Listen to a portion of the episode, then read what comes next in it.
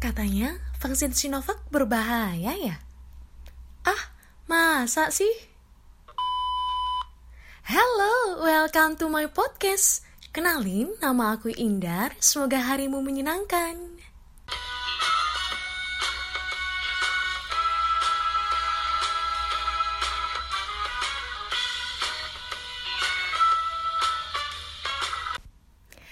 Generasi Z, tepat pada saat aku merekam podcast ini, Indonesia masih bertarung dengan COVID dengan jumlah 94.438.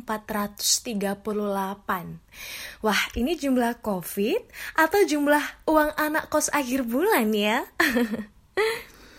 Pemerintah Indonesia sendiri telah membagikan vaksin kepada masyarakat yang dimulai dari bulan Januari lalu.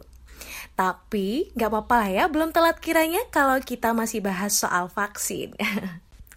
vaksin yang didistribusikan kepada masyarakat sendiri adalah jenis vaksin Sinovac dan saat ini telah memasuki periode kedua, di mana periode ini diperuntukkan untuk petugas pelayanan publik seperti TNI, Polri, dan kelompok lansia.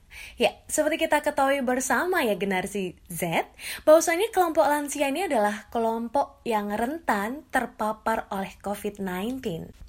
Menurut kemkes.go.id, saat ini vaksin yang telah diterima oleh masyarakat sebanyak 17 juta dengan target sasaran vaksin sebanyak 181 juta 554.465.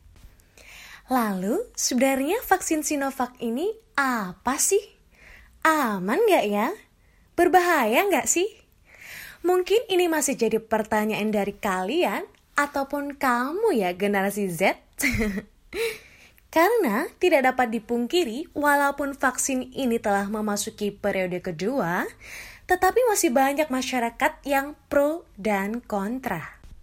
Sobat Gates, perlu kita ketahui bersama bahwasanya vaksin Sinovac ini merupakan salah satu upaya pemerintah yang diakui efektif untuk mengatasi pandemi COVID-19 ini didukung oleh kajian cepat Kemenkes yang mengatakan vaksin Sinovac efektif cegah kematian berdasarkan analisis yang dilakukan, ditemukan bahwasannya Sinovac dosis lengkap bisa menurunkan atau mengurangi resiko COVID-19 sebanyak 94 persen. Kajian cepat tersebut sangat jelas menunjukkan bahwa pemberian vaksin lengkap dua dosis bisa menurunkan resiko terinfeksi COVID-19 dan mencegah kematian. Tapi, katanya vaksin Sinovac ada minyak babinya ya? Eits, jangan salah, vaksin Sinovac ini juga telah mendapatkan label halal oleh MUI dan telah didaftarkan di BPOM.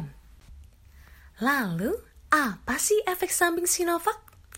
Tentu efek sampingnya risiko kita terinfeksi atau tertular COVID-19 dapat menurun. Tetapi, bukan berarti setelah vaksin kita merasa sangat kebal dan melupakan prokes. Ingat, kita bukan titan. Tetap selalu taati prokes di mana pun kita berada. Karena maskermu menjagamu, menjagaku, dan menjaga kita. Buat Sobat Cats yang telah setia mendengarkan podcastku dari tadi, masih ragu nih untuk vaksin? Yuk sukseskan program vaksin sebagai jalan perubahan mengatasi pandemi COVID-19. Thank you udah dengerin. Ingat, jangan lupa prokes ya.